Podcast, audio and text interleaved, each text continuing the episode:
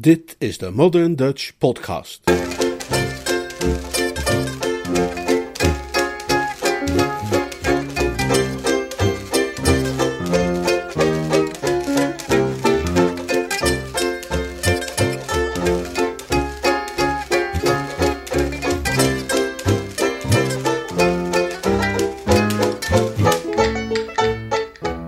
De geboorte van een handelsreiziger. Een verhaal van P.G. Woodhouse uit de bundel A Few Quick Ones en ook uit de bundel Nothing Serious trouwens. Vertaald en voorgelezen door Leonard Beuger. Singing in the bathtub, happy once again. Watching all my troubles go swirling down the drain. Het weer was zo stralend, het briesje zo mild, de hemel zo blauw en de zon zo zonnig, dat Lord Emsworth, die vage en wollige edelman, een echte liefhebber van zulk mooi weer, eigenlijk heel vrolijk en zorgeloos had moeten zijn. Vooral ook omdat hij naar bloemen stond te kijken, iets wat hem altijd veel genoegen schonk. Op zijn gezicht, dat hij over de heg had gestoken naar waar die bloemen stonden, zou een scherp waarnemer echter een korzelige frons hebben opgemerkt. Hij dacht namelijk aan zijn jongste zoon, Freddy. Hij was naar Amerika gekomen om het huwelijk bij te wonen van een van zijn nichtjes met een Amerikaanse miljonair die Tipton Plimsoll heette. Daarbij had Lord Emsworth zich voor een lastige keuze gesteld gezien, waar het ging om kost en inwoning tijdens zijn verblijf. De Britse regering, die als bekend een grote hekel heeft aan het uitgeven van geld, had hem niet toegestaan voldoende pegulanten uit Engeland mee te nemen om een net hotel in New York te kunnen betalen, en zodoende was hem de keuze gebleven tussen logeren bij een tante van de bruidegom die optrad als ceremoniemeesteres bij de bruiloft, dan wel zijn matten uit te rollen bij Freddy, die tegenwoordig een huis had in zo'n tuinstad op Long Island. Door zijn spionnen gewaarschuwd dat die tante ook kost en inwoning verleende aan niet minder dan zes Pekinezen, een hondensoort die het collectief en zonder uitzondering op zijn kuiten gemunt had, had hij voor huizen Freddy gekozen, om helaas pas achteraf te beseffen dat hij daar beslist verkeerd aan had gedaan. Pekinezen schonden weliswaar het lichaam, maar Freddy verschroeide de ziel. De bloemen stonden in de tuin van een groot wit huis aan het eind van de straat, en Lord Emsworth had er al zo'n veertig minuten naar staan te koekeloeren, want hij was een man die voor zulke dingen zijn tijd placht te nemen. Toen echter werd zijn rêverie verstoord door luid getoeter en een weinig welluidende versie van het schone liedje Een rondje van mij. Freddy's auto hield naast hem stil met Freddy aan het stuur. Ah, ben je daar, ouwe heer? zei Freddy. Eh, ja, zei Lord Emsworth, die daar inderdaad was. Ik, ik, eh, keek naar de, de, de bloemen. Ze zien er mooi uit, een hele, hele fraaie tuin. Ja, waar al wat men ziet bekoorlijk is en verdorven slechts de mens, zei Freddy streng. Blijf bij die man die daar woont, maar liever uit de buurt, ouwe heer. Die verlaagt nogal het niveau van de buurt. Oh, oh, oh ja, hoe dat zo? Dat is niet zo'n keurig type. Zijn vrouw is er niet en dan geeft hij feestjes. Ik ben vergeten hoe hij heet, eh, eh, Griggs of uh, Follensby of zoiets. Maar wij noemen hem de boze boswolf. Hij doet iets in de houthandel. Eh, eh, eh, en hij geeft dus feestjes. Ja, veelvuldig. Je zou zelfs kunnen zeggen voortdurend. Met massa's blonde meiden. Heel erg fout. Mijn vrouw is er ook niet, maar zie je mij omgeven met blonde meiden? Nee. Ik wacht met smart op haar terugkomst. Nou ja, ik moet verder. Ik ben al laat. Moet je ergens naartoe? Freddy klakte met zijn tong. Ja, dat heb ik je gisteren al verteld, ouwe heer. En vanmorgen nog twee keer. Ik heb een belangrijke zakenlunch op de golfclub. En ik heb je ook uitgelegd dat ik je niet mee kon nemen, omdat het van mijn kant één lang verkoopverhaal gaat worden. Eh, jouw rantsoen staat binnen al klaar op een dienblad. Iets, iets kouds vandaag, omdat het donderdag is en de huishoudster op donderdag haar vrije dag heeft. Hij reed verder, een en al nijverheid en commerciële efficiëntie. Lord Emsworth gromde een geërgerde grom. Ja, daar, daar had je nu precies, zei hij tegen zichzelf, in een notendop als het ware, waardoor Freddy zulk zenuwslopend gezelschap vormde. Autoritair en agressief. Hij gedroeg zich als de geest van het modern ondernemerschap zelf. Hij was als iets uit zo'n advertentie waarin je een werknemer ziet die de schriftelijke cursus assertiviteit en zelfvertrouwen heeft gevolgd en nu zijn baas recht in de ogen ziet en doet buigen. Freddy werkte voor Donaldson's BV, fabrikant van hondenbrokken in Long Island City. Dat deed hij nu drie jaar. En die drie jaar hadden hem op wonderbaarlijke wijze veranderd van een slappe, luxe hangjongere in een energiebom, een doener, een man die beslissingen nam en ze uitvoerde ook. Sinds Lord Emsworth zijn gastvrijheid genoot, als genoot daarvoor tenminste het woord is, had Freddy iedere avond lyrisch en langdurig gesproken over hoe succesvol hij de belangen wist te bevorderen van Donaldsons hondenvreugd, onder het motto: Uw hond wordt blij van Donaldsons. En hij had er geen geheim van gemaakt dat de firma er naar zijn idee uiterst verstandig aan had gedaan hem op de loonlijst te zetten. Als verkoper was hij een toppertje, een kerel die elektrisch kookte, een ijveraar en een die dat wel wilde weten ook. Dat zou eigenlijk allemaal als muziek in Lord Emsworth oren hebben moeten klinken, want een jongste zoon die nijver zijn brood verdient in Amerika is zonder twijfel een grote verbetering ten opzichte van een jongste zoon die maar wat rondhangt en schulden maakt in Engeland. Waren het niet voor één ding. Hij kon zich maar niet ontdoen van de groeiende overtuiging dat na jaren waarin hij zijn zoon beschouwd had als een leegloper en een nietsnut, die zoon thans hem als zodanig beschouwde. Als een van werelds harde werkers keek Freddy geringschattend neer op iemand als Lord Emsworth, die niet arbeidde en niet spon. Hij behandelde hem neerbuigend. Hij had Lord Emsworth nooit letterlijk een klaploper genoemd, maar het was wel duidelijk dat hij zijn procreator mentaal in die categorie had ondergebracht. En als er één ding is dat een Engelse vader uit de beste kringen het hart doorwond, dan is het wel uit de hoogte te worden bekeken door zijn jongste zoon. Geen wonder dat Lord Emsworth, terwijl hij terugliep door de straat, zich stevig op zijn tanden beet.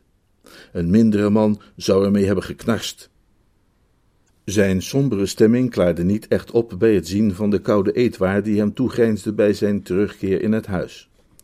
Op het dienblad waar Freddy over had gesproken, lagen naast elkaar, als lijken na een veldslag, een plak felroze ham, een plak sepia-kleurige corned beef, een schijf zacht paarse leverworst en als toppunt van onsmakelijkheid een grote groene augurk.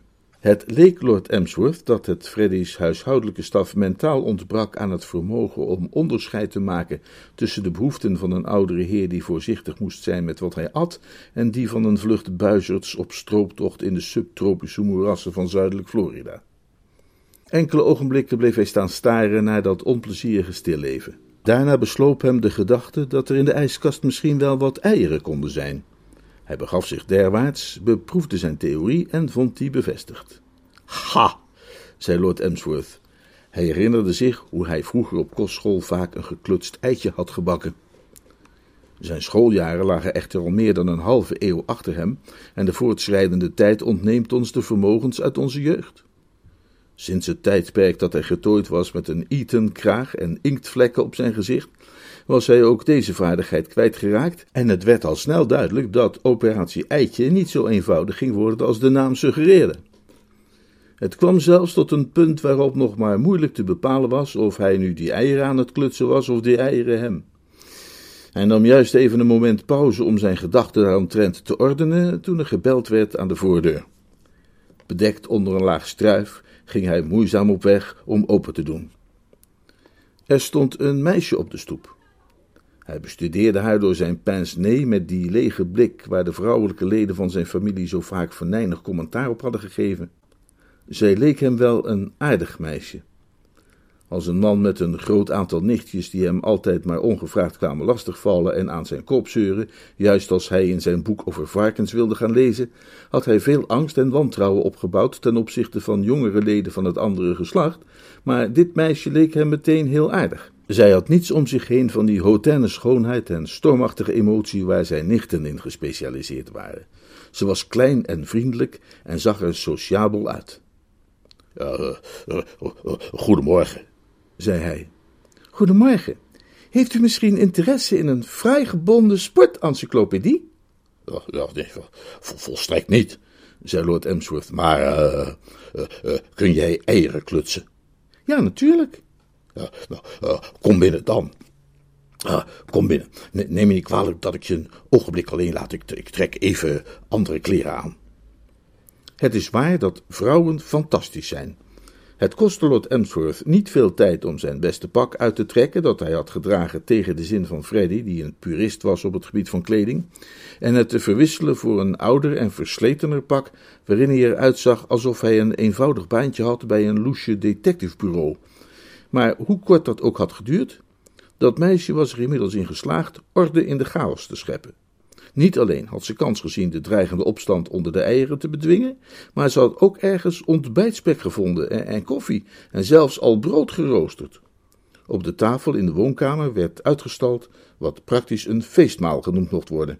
En Lord Emsworth stond op het punt daarop aan te vallen toen hij een omissie bespeurde. Uh, we, we, waar is jouw bord? vroeg hij. Mijn bord? Het meisje leek verbaasd. Uh, had ik ook mee? Ja, ja, zeker wel. Dat is ontzettend aardig van u. Ik rammel. Hm, het, is, uh, het, is, eieren, hè? zei Lord Emsworth even later. Uh, zijn verrukkelijk. Uh, zout? Dank u. Peper misschien, mosterd. Maar, maar zeg eens, zei Lord Emsworth, want dat had hem de hele tijd al verbaasd. Uh, waarom trek jij uh, langs de huizen om mensen vrijgebonden sportencyclopedieën aan te bieden? Ja, dat is natuurlijk heel aardig van je, voegde hij er haastig aan toe, opdat ze niet zou denken dat hij haar wilde bekritiseren. Maar waarom doe je dat? Die verkoop ik. Ah, die, die verkoop je? Ja. Nu ging Lord Emsworth een helder licht op. Er werd weliswaar van hem gezegd dat hij een IQ bezat dat 30 punten lager was dan dat van een niet al te snuggere zeepaddenstoel of bloemkoolkwal, maar hij begreep zonder meer wat ze zei. Ze verkochten die dingen. Ah, ah ja, mm, maar, maar, maar natuurlijk ja. Uh, uh, precies, ik, ik, zie wat je bedoelt. Je, je, je, je verkoopt uh, die dingen. Ja, dat klopt. Ze moeten 5 dollar kosten en daar krijg ik 40% van. Maar niet dus. hoezo niet? Nou, niemand koopt ze. Eh, niet. Nee, meneer. Houden mensen niet van, van, van vrijgebonden uh, sportencyclopedieën? Nou, als ze dat wel doen, hebben ze het heel goed voor mij verborgen weten te houden. Nou, nou, nou, nou, nou zeg. Lord Emsworth slikte ontdaan een hapje ontbijtspek door. Zijn hart bloedde voor het arme kind. Dat, dat, dat, dat moet wel heel uh, vervelend voor jou zijn. Ja, dat is het ook. Maar, maar uh, waarom moet jij die bliksemse dingen dan, dan eigenlijk uh, uh, verkopen? Ja, nou, het zit zo. Ik krijg een kindje. Oh, oh goeie genade. Nee, niet nu meteen, in, in januari pas. Maar ja, dat soort dingen kost geld, hè? Waar of niet? Dat is zonder meer waar, zei Lord Emsworth. Hij was zelf nooit een jonge moeder geweest, maar hij wist hoe die dingen zaten. Ja, ik, uh, ik weet nog hoe mijn arme vrouw uh, klaagde over al die uitgaven toen mijn, mijn zoon Frederik werd geboren. Och, god, god, oh, weet ik nog dat ze zei. Ja, ja ze leefde toen nog, legde Lord Emsworth uit. Ed werkt in een garage. Uh, oh ja? Hm. Nou, ik, ik geloof niet dat ik hem ooit ontmoet heb. wie is Ed? Is mijn man. Oh, ah, je man, ja. Uh, je bedoelt je man, ja. Die, die, die werkt in een uh, garage dus. Precies. Maar van het loon dat hij daar verdient kun je niet veel extra's betalen. Uh, zoals baby's. Ja, zoals baby's, ja. Daarom heb ik dit baantje aangenomen. Ik heb er niks van tegen Ed gezegd natuurlijk, want hij zou een beroerte krijgen. heeft hij last van beroertes? Nee, maar hij wil dat ik overdag ga liggen rusten. Ja, daar, heeft hij geloof ik uh, gelijk in hoor. Oh ja, natuurlijk heeft hij gelijk, dat is waar. Maar hoe kan ik dat nou doen? Ik moet de deur langs om vrijgebonden encyclopedieën te verkopen. over sport? Ja, sportencyclopedieën. En dat valt niet mee. Heel ontmoedigend is dat. Afgezien nog van de blaren die je ervan krijgt. U zou mijn rechtervoet eens moeten zien. Uh, graag, wilde Lord Emsworth al bijna zeggen, maar hij weerhield zichzelf. Hij had opeens een idee dat hem van zijn adem beroofde. Dat gebeurde eigenlijk altijd als hij een idee kreeg. Hij had er eens een gehad in de lente van 1921 en later nog eens een in de zomer van 33 en die hadden hem ook allebei van zijn adem beroofd. Uh, ik, uh, ik zal die uh, vrijgebonden sportencyclopedieën wel voor je verkopen, zei hij.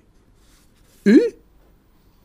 Het idee dat Lord Emsworth van zijn adem beroofd had, was dat als hij inderdaad vrijgebonden sportencyclopedieën wist te verkopen, die immers bij alle kenners bekend staan als erg lastig om aan de man te brengen, dan zou hem dat eens en voor altijd verlossen van het minderwaardigheidscomplex waar hij zo'n last van had in het gezelschap van zijn zoon Freddy.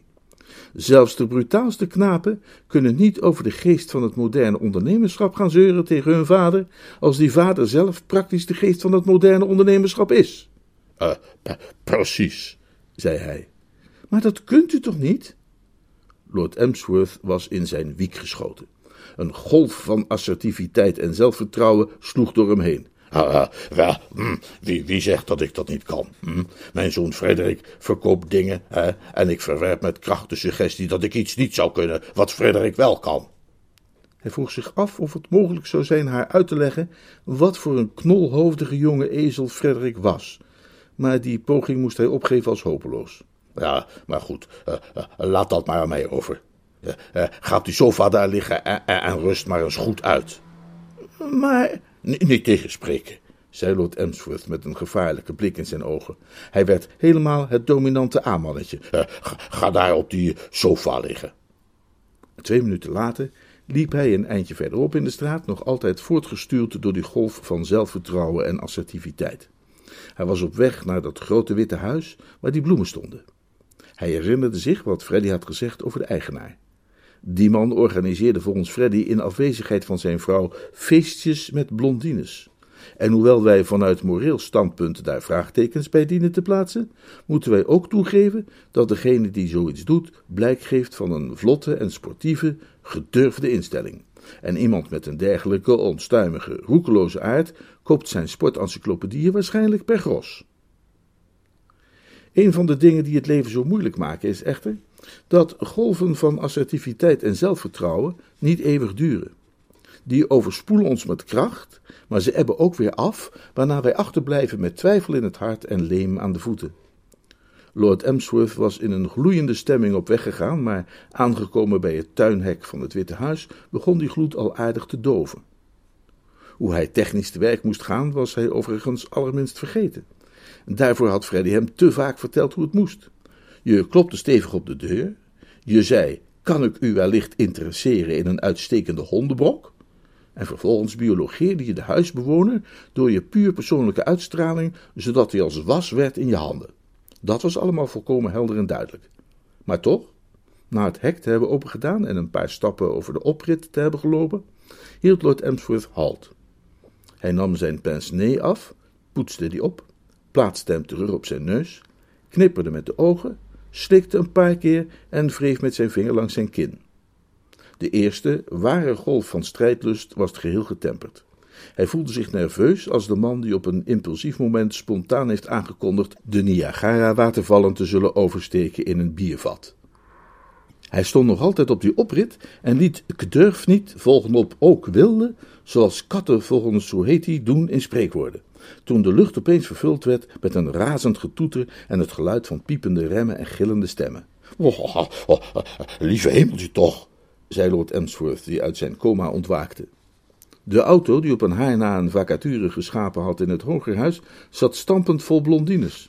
Er zat een blondine achter het stuur met nog één naast haar. En verder zaten er ook blondines op de achterbank. En op de schoot van het blonde meisje naast de blondine achter het stuur zat een blondharige Pekinees. Ze gilden allemaal door elkaar en de hond kefte lelijke woorden in het Chinees. Uh, uh, lieve hemel, zei Lord Emsworth, neem me niet kwalijk, mijn, mijn welgemeende excuses. Ik, ik, ik was in, in gedachten verzonken. Oh, was dat waar u in verzonken was? Zei het blonde meisje achter het stuur, al wat milder gestemd door zijn beleefde woorden. Wees beleefd tegen blondines en zij zullen beleefd zijn tegen u. Uh, ja, ik, dacht aan uh, hondenbrokken, aan hondenbrokken, aan, kortom, hondenbrokken.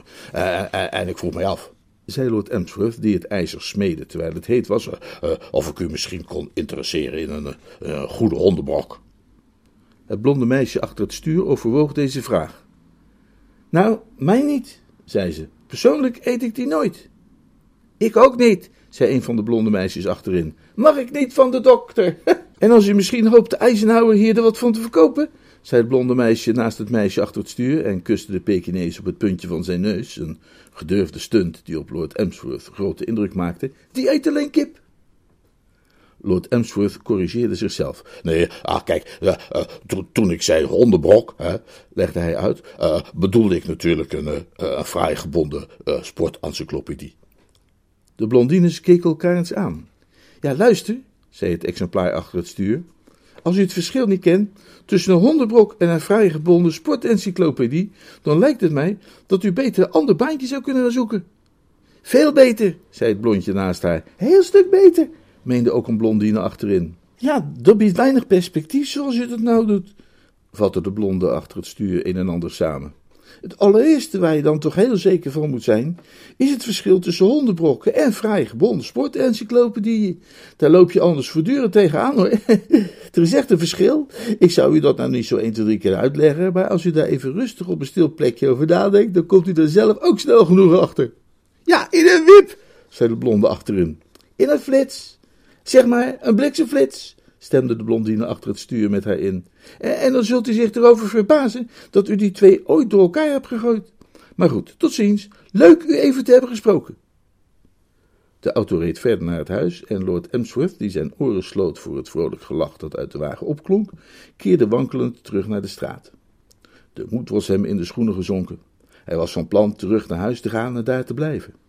Maar toen hij de terugweg aanvaarde, begon een hinderlijke gedachte hem toch te kwellen. Dat meisje, die aardige jonge Mrs. Ed, die in januari een beroerte zou krijgen. Eh, nee, een, een baby was het die ze kreeg.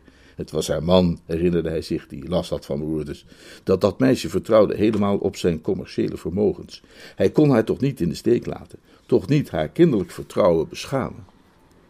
Het voor de hand liggende antwoord op die vragen was: maar natuurlijk wel.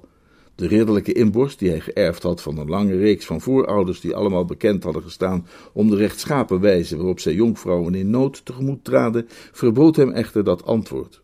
In vroegere eeuwen, toen het ridderschap zijn bloeitijd beleefde, was de kreet die altijd klonk wanneer hij iemand gezocht werd om een belaagde jonge dame te bevrijden van een draak of een tweekoppige reus: laat dat maar aan Emsworth over en de betreffende Emsworth van dat tijdperk trok dan altijd zonder verwijl zijn maliënkolder aan, wette zijn zwaard, plakte zijn kauwgom onder de ronde tafel en ging erop los.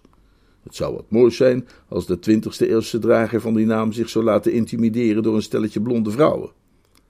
Met het schaamrood op de kaken keerde Lord Emsworth zich weer om in de richting van de oprit. In de woonkamer van het Witte Huis Waar het koel was, dankzij de schaduw van de boom die buiten voor het raam stond, was inmiddels zo'n betreurenswaardige neo-Babylonische orgie op gang gekomen, zoals we die helaas zo vaak zien waar blonde vrouwen te samenkomen met mannen die iets doen in de houthandel. Cocktails gingen rond en de blondine die achter het stuur van de wagen had gezeten vormde het middelpunt van de feestelijkheden met haar imitatie van de man daarbuiten die zo'n moeite had gehad met het verschil tussen hondenbrokken en fraai gebonden sportencyclopedieën. Haar Lord Emsworth had een wat impressionistisch karakter. Heel goed gedaan, maar niet per se vlijend.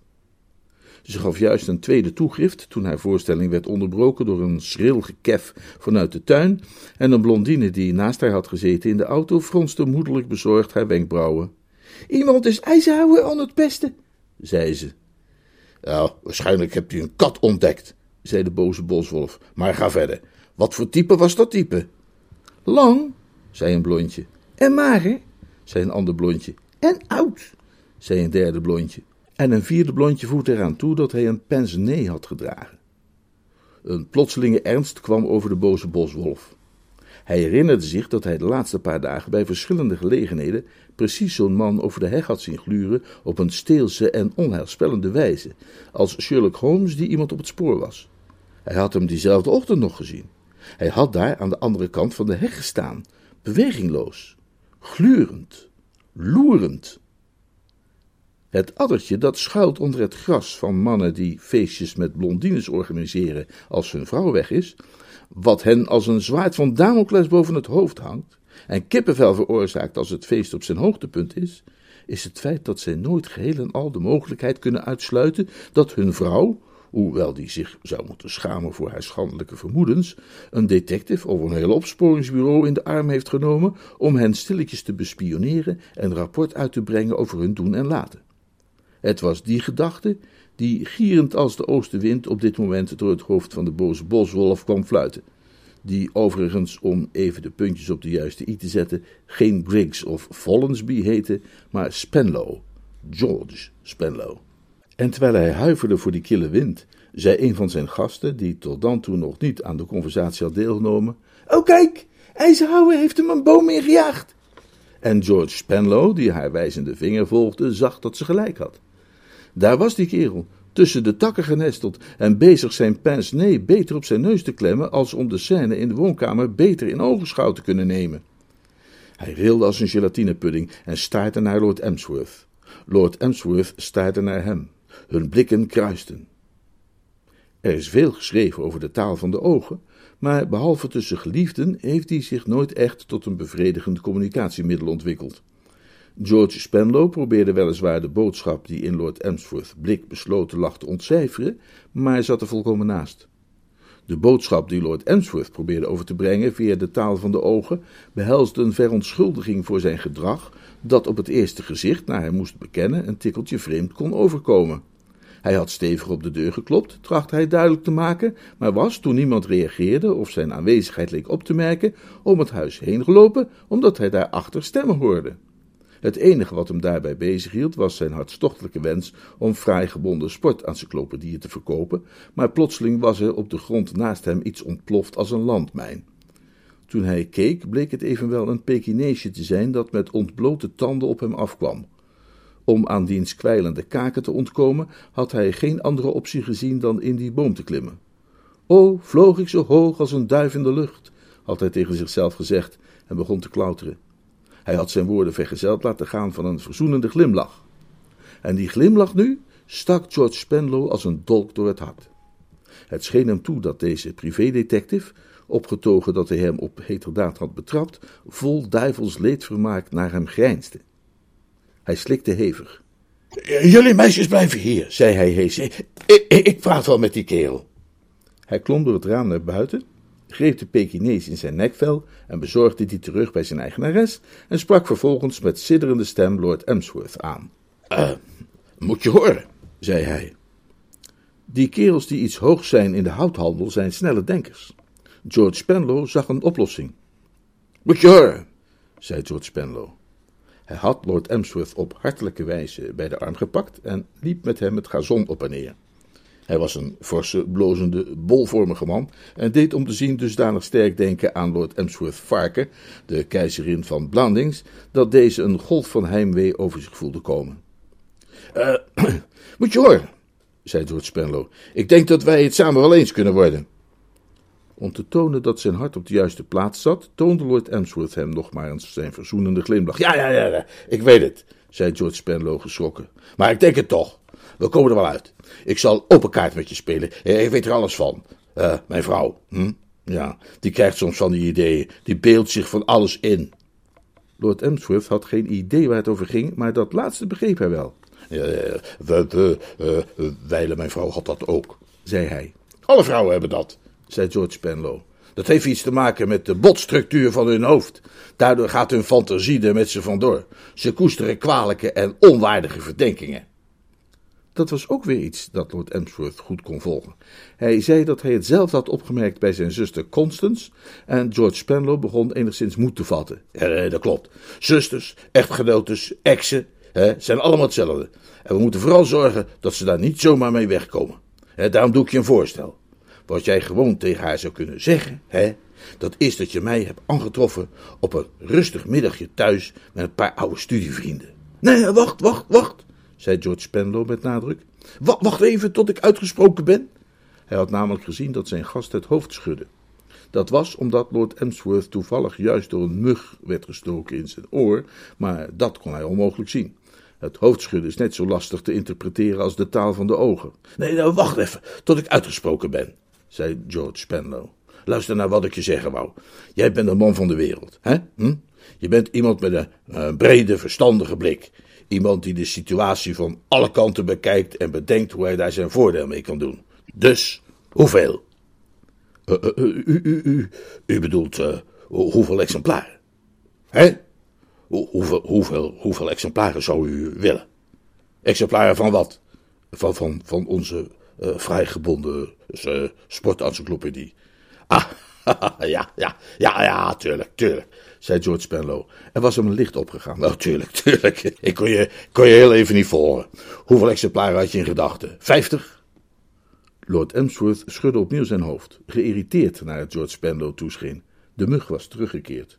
Ja, nee, maar natuurlijk, ging George Spenlow verder. Toen ik vijftig uh, zei, dan bedoelde ik eigenlijk honderd. Een mooi rond getal, toch? Uh, heel, heel mooi, gaf Lord Emsworth toe. Maar uh, misschien, misschien wilt u meteen een, een gros. Een gros is misschien nog beter, ja. U, kunt, u kunt ze aan uw vrienden geven. Ja, dat is waar, op een verjaardag. Of, of, of met kerstmis. Ja, tuurlijk. Het is altijd zo moeilijk hè, om een passend kerstgeschenk te bedenken. Ja, zo on, on, on, ontzettend moeilijk, ja. Nou, zullen we dan maar zeggen 500 dollar in het handje? Dat, dat, dat, dat leek mij uh, magnifiek. En, en, denk eraan, zei George Spenlow met de grootst mogelijke nadruk, oude studievrienden. Een voorbijganger, die Lord Emsworth zou hebben gezien terwijl hij zo'n twintig minuten later terugliep naar Freddy's droomhuis verderop in de straat, zou tegen zichzelf hebben gezegd dat daar een oude heer liep die kennelijk de halve koe had gewonnen. En daar zou hij gelijk in hebben gehad. Terwijl hij het knisperende stapeltje bankbiljetten in zijn zak voelde zitten, riep Lord Emsworth niet echt de hele tijd jippie, maar het scheelde niet veel. Hij voelde zich alsof er een grote last van zijn schouders was gevallen. Het meisje lag te sluimeren toen hij de kamer binnenkwam. Zachtjes, zonder haar slaap te verstoren, greep Lord Emsworth naar haar tas en stopte er de 500 dollar in. Daarna sloop hij op zijn tenen de kamer weer uit en zette koers naar de golfclub waar hij zijn zoon Freddy wilde opzoeken.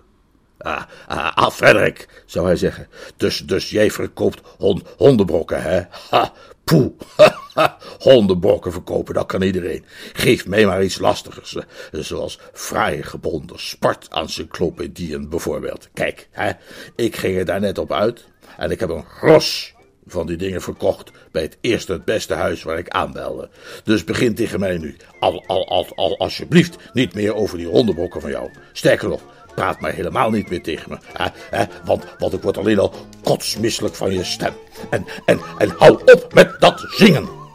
Ja, als Freddy een rondje van mij begon te zingen, dat was het moment om toe te slaan. Singing in the bathtub, I'll be once again. Watching all my troubles go swirling down the drain.